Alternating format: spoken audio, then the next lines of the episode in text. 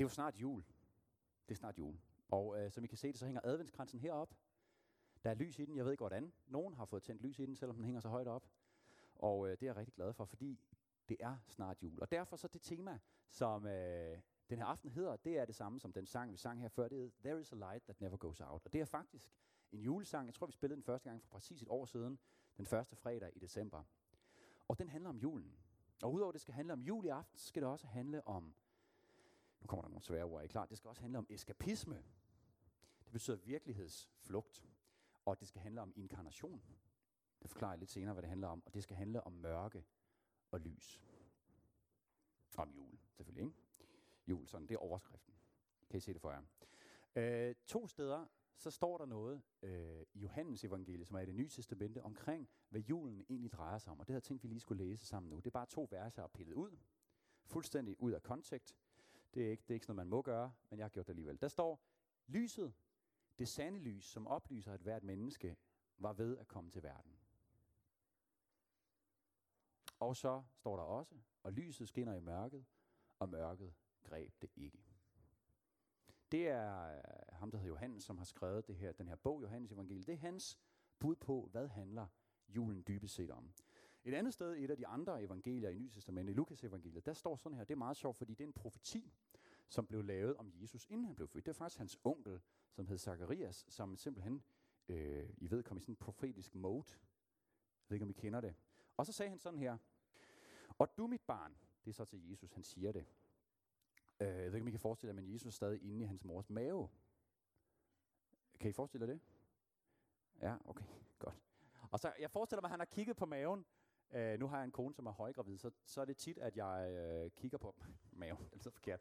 Men nogle gange kan der også ske det, når man er meget højgravid, at man faktisk ligesom, at den er svær at komme udenom på en måde maven. Man kan næsten sådan øh, bum ind i den. Godt. Og Jesus er inde i maven. Øh, hans onkel Zacharias kigger på maven, og der kommer de her ord ud af hans mund. Og du, mit barn, skal kaldes den højeste profet, for du skal gå foran Herren. Uh, ja, okay. Der er så noget der, jeg kan se, jeg ikke lige har tjekket helt op på. Fordi i virkeligheden øh, må det næsten være en profeti om hans egen søn. Det, nu bliver det meget forvirrende. Det er faktisk, men det er fordi, at han skulle selv have et barn. Zacharias skulle selv have et barn. Det skulle jeg lige have læst op på øh, googlet.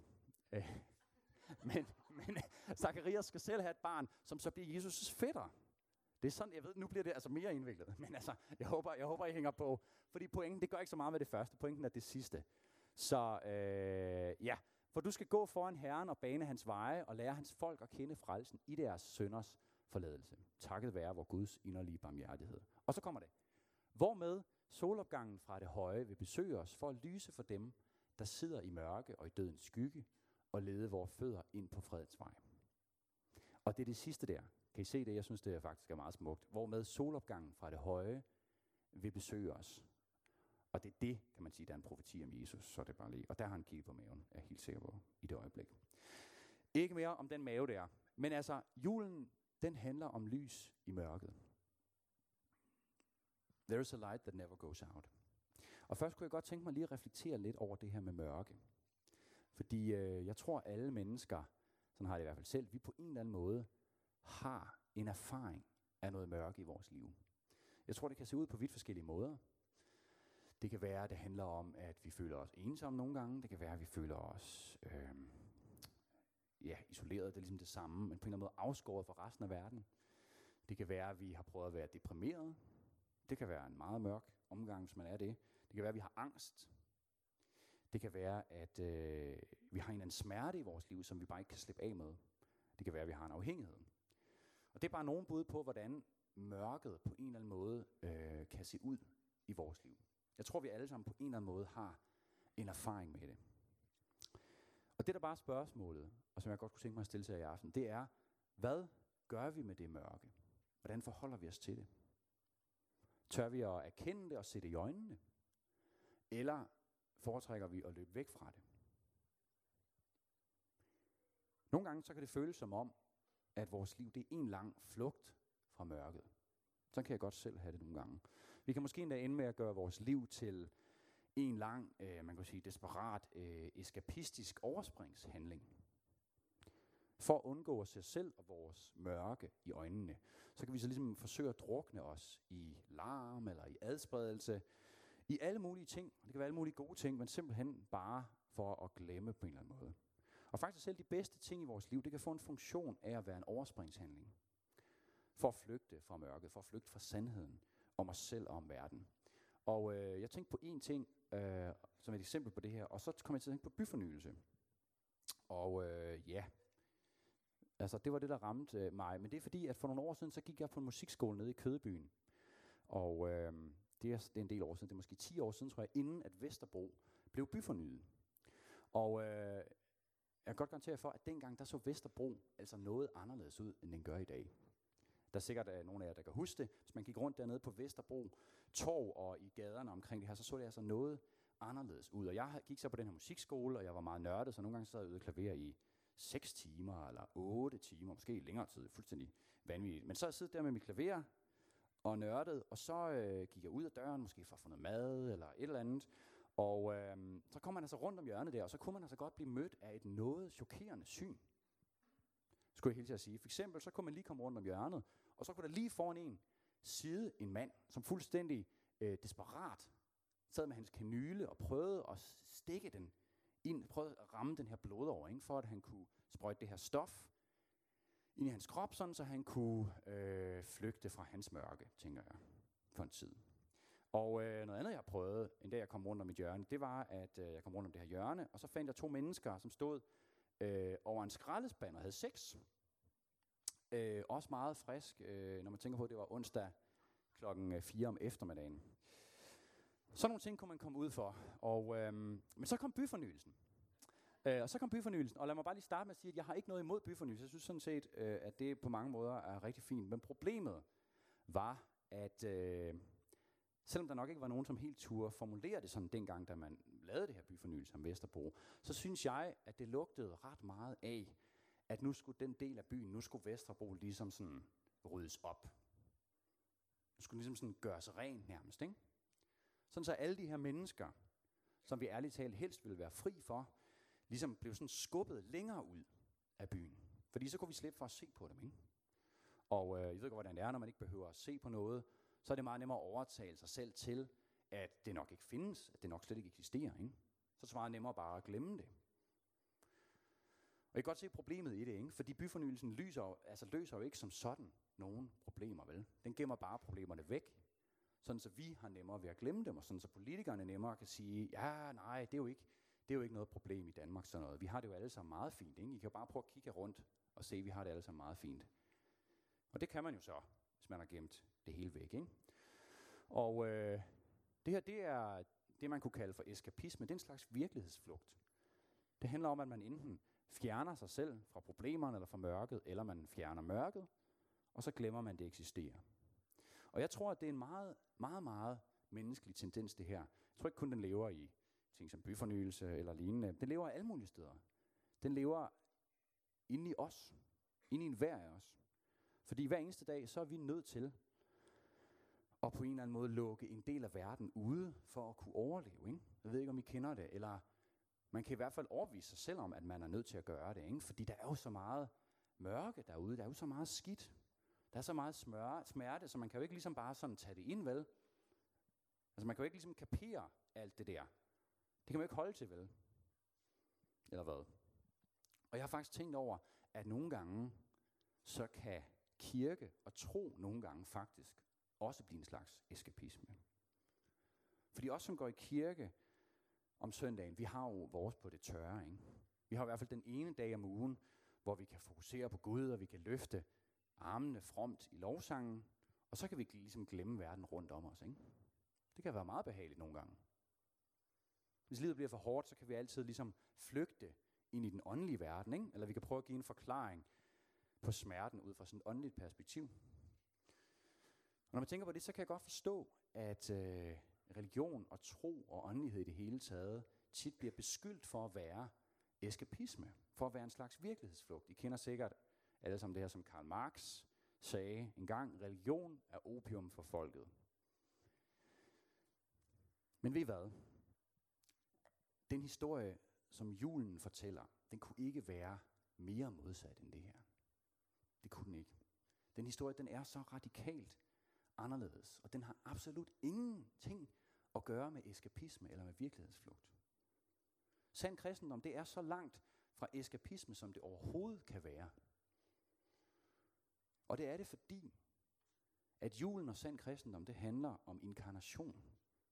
Og det er på en måde det modsatte af eskapisme. Inkarnation, det betyder at blive læmeliggjort. Øh, inkarne betyder i kødet. Og øh, det hentyder til, øh, i den her sammenhæng, at Gud, som er ånd, bliver læmeliggjort, altså simpelthen bliver transformeret i kød, i Jesus, bliver et menneske. Og der hvor eskapismen stikker halen imellem benene, så snart noget ikke er pænt nok, så gør inkarnationen det stik modsatte og opsøger alt det, som ikke er pænt nok. Der hvor eskapismen undviger, ja, flygter fra alt det, som er beskidt, som er mørkt og som er menneskeligt, der gør inkarnationen det modsatte og opsøger og konfronterer det. Hvor eskapismen vender hovedet væk fra alt det, som er beskidt, alt det, som er snavset, alt det, som er uheldigt, og ser den anden vej, der tager inkarnationen bolig midt i blandt det. Og i inkarnationen i Jesus, der ser vi, hvem Gud er. Historien om julen, som jeg personligt synes er den største historie nogensinde, som man kan sige, den er verdenshistoriens øh, omdrejningspunkt. Det er jo faktisk ikke nogen særlig glorværdig historie. Den er faktisk ikke særlig storslået. Jeg ved ikke, om I har tænkt over det.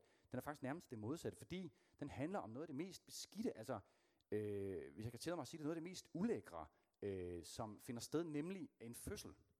Og øh, de af jer, som har prøvet at være med til en fødsel, de vil vide, hvad jeg mener, fordi det er altså bare, virkelig, det er bare noget gris. Altså. Det er utroligt ulækkert faktisk at være med til. Og af en eller anden grund, jeg fatter det ikke, af en eller anden grund, så er hjemmefødsler blevet helt vildt populært. Her på det sidste historie, jeg tænker bare, hvad i alverden, hvorfor vil du ligge hjemme på dit plankegulv med den her moderkage og blod og afføringer, alt muligt gris, altså. Det forstår jeg ikke lige. Det var bare en bonus info uh, øh, om noget, jeg ikke forstår. Men altså, en fødsel, pointen er, at en fødsel, det er virkelig noget gris. Og når vi kigger på det, når vi forstår det, så bliver vores billede af alt det, som er guddommeligt, af alt, som er ophøjet, af alt, som er helligt, det bliver nærmest totalt vendt på hovedet. Det bliver faktisk totalt latterligt gjort, fordi hvordan kan en Gud, altså Gud himself ligesom, ikke? Hvordan kan han lade sig føde ud af en jordisk, mellemøstlig kvindes vagina? Og få blod og ekskrementer og alt muligt smurt ud i krydderen. Har I tænkt på det? Jeg ved godt, at når man ser de der billeder af Jesus, så ser det alt sammen meget pænt ud, og han er helt øh, ren i hovedet og sådan noget. Men altså, det er bare ikke sådan, det foregår, vel? Og ved en anden bonus inden for det her, det ved jeg ikke, om I ved, men at faktisk noget af det vigtige, der sker i fødslen, det er, at når spædbarnet ligesom kommer ud, så sker der det samtidig, at det får smurt øh, altså moderens lort øh, i hovedet og får det i munden. Og faktisk så sker der det, man har faktisk opdaget, det er meget interessant, det her videnskabeligt, at ved at der, prøv, prøv at høre, ved at der sker det, så sætter det faktisk barnets egen tarmflora i gang. Det kickstarter simpelthen maven på babyen. Så derfor så er man begyndt at gøre det nu, at hvis øh, man bliver taget ved kejsersnit, så, øh, så er de så begyndt på nu lige at score lidt øh, bag fra moderen, som lillemoren så lige kan få og sutte på. Øh, jeg tænker, velkommen til verden, Sønneke, spis lige noget af det her lort. Men sådan er det faktisk. Og jeg tænker bare, hvorfor? Hvorfor skulle Gud fødes på den her måde? Har I tænkt på det? Hvorfor skulle Gud fødes på den måde? Og jeg tror på at svaret det er fordi, at det er sand inkarnation. Vi hvad den kristne tro har aldrig handlet om, at Gud han tager afstand fra den her verden. Ligesom sådan en levnedsmiddelkontrollør, ikke? som kommer og peger tommelfingeren nedad, og så giver sådan en sur smiley på hans inspektion. Ikke? Det er ikke sådan en slags, det handler ikke om sådan en slags kosmisk byfornyelse. Vel? Nu Gud flytter ind i byen, og så lad, vi bliver nødt til lige at få ryddet op, for nu kommer Gud jo. Lad os lige få ryddet op i alle de her udskud, så himlen og jorden skaber ligesom ikke skal gå og se på alt det der gris. Det er jo lige til, det bliver, må han jo blive helt trist af, ikke? Jeg så øh, noget af en kristen film på YouTube her den anden dag, og øh, noget jeg gerne vil bekende, men jeg blev simpelthen sur. Øh, det er ikke så pænt at sige, men jeg blev simpelthen harm over noget, som blev sagt i den her film. Og, øh, øh, og det endte med, at jeg gjorde noget helt ekstremt. Ved I, hvad det var, jeg gjorde? Øhm, jeg, øh, I kender godt sådan en bærbar computer, ikke? så jeg tog min finger og øh, førte den ned af pegefeltet på min computer. Og øh, så klikkede jeg med musen i kommentarfeltet under videoen. Men det stoppede ikke der, vel? Og så, fordi at, at det, det fortsatte, så jeg skrev med mine egne fingre en kommentar til den her film. Og det stopper heller ikke der, fordi jeg tog min finger og førte på pegefeltet, musen, hen til den knap, hvor der stod post, og så klikkede jeg på den. Jeg var virkelig blevet harm. Det var virkelig et drastisk move, synes jeg selv. Og øhm, ved I hvad det var, jeg blev harm over? Jeg blev harm over noget, som blev sagt, fordi øh, i filmen så var der sådan en, en hovedperson, som man fulgte, og så vedkommende møder så nogle mennesker på gaden, som han så skal snakke med om Gud. Og det han så siger til dem, det er det her. Han siger til dem, øh, han snakker engelsk, fordi det er noget, de kan forstå, så det vil jeg også gøre nu. Så han siger, God looks down on you and says to you, I don't want to punish you, but I am holy, so I need to do it. Og det var så for at give sådan en forklaring på, hvad, hvad det handlede om, hvorfor det var, at Jesus skulle dø på korset. Ikke? Og øh, her kan I så se, hvad jeg skrev tilbage i kommentarfeltet, fordi jeg blev som sagt helt harm. Det står her, I don't want to punish you, but I'm holy, so I, so I need to do it. Seriously, skrev jeg. Jeg var lidt op at køre, jeg advarer lige. So God needs to do something he doesn't want to do. This is nowhere to be found in the Bible. It's the same as saying, as God basically saved us from himself, which is quite an obvious contradiction. Jesus did not have to die to save us from God, but from ourselves. Og så øh, den opmærksomme læser vil se, at der lige op der i overskriften står redigeret. Det er fordi, jeg var nødt til lige bagefter at gå ind og lige øh, gøre det lidt ikke helt så vredt. Og så skrev jeg også, jeg tænkte, nu må jeg hellere skrive noget fra Bibelen og sådan noget, så det er lidt, så de ikke bare tænker, at jeg er helt ude. Så jeg skrev et vers fra Bibelen. Øh, men ved I hvad? Jeg tror desværre på, at øh, rigtig mange mennesker, de tror, at den kristne tro, det handler om det her. Nogle gange så kan man øh, høre nogen sige, eller det er faktisk noget, som jeg selv har sagt øh, nogle gange tidligere, sige noget af den her stil, øh, Gud han er hellig, så han kan ikke eksistere sammen med ting og sammen med mennesker, som ikke er hellige, som er syndige. Så Jesus var nødt til at dø for at fjerne den synd, eller for ligesom at tage den straf, vi skulle have haft. Og det er ikke 100% forkert det her. Men der er et problem, hvis, man, hvis det er det eneste, man siger. Fordi kan I se, hvad problemet er? Det er, at man i virkeligheden gør Gud til problemet. I den her tilgang, så er det Gud, som har problemet. Fordi det er Gud, som ikke kan tåle vores synd, eller vores komme til kort, eller vores menneskelighed. Men det jeg tænker over, det er bare, prøv at sige mig en gang, hvis det er sådan her, hvorfor er det så, at Jesus, som var sandt menneske og sand Gud, kunne leve og eksistere sammen med helt almindelige, uperfekte mennesker på jorden i cirka 33 år? Og hvorfor tror jeg, han var sådan en øh, menneskemagnet, som han var, ikke? Var det fordi, de følte sig fordømt af ham? Var det fordi, at øh, han ikke kunne sameksistere med dem? Med de her helt almindelige, uheldige mennesker? Nej, jeg tror, han var en menneskemagnet, fordi de følte sig elskede af at være sammen med ham. Og som sagt, det er et, et, et, et større teologisk, øh, øh, kan man sige, problemstilling eller øh, emne, som vi er inde i det her. Så jeg vil ikke sige, at det er fuldstændig forkert, men jeg vil sige, at det er mangelfuldt, hvis det er den eneste forklaring, man har på, hvad, der er, der, hvad, hvad kristendommen handler om. Fordi det er bare ikke Gud, som er problemet, vel?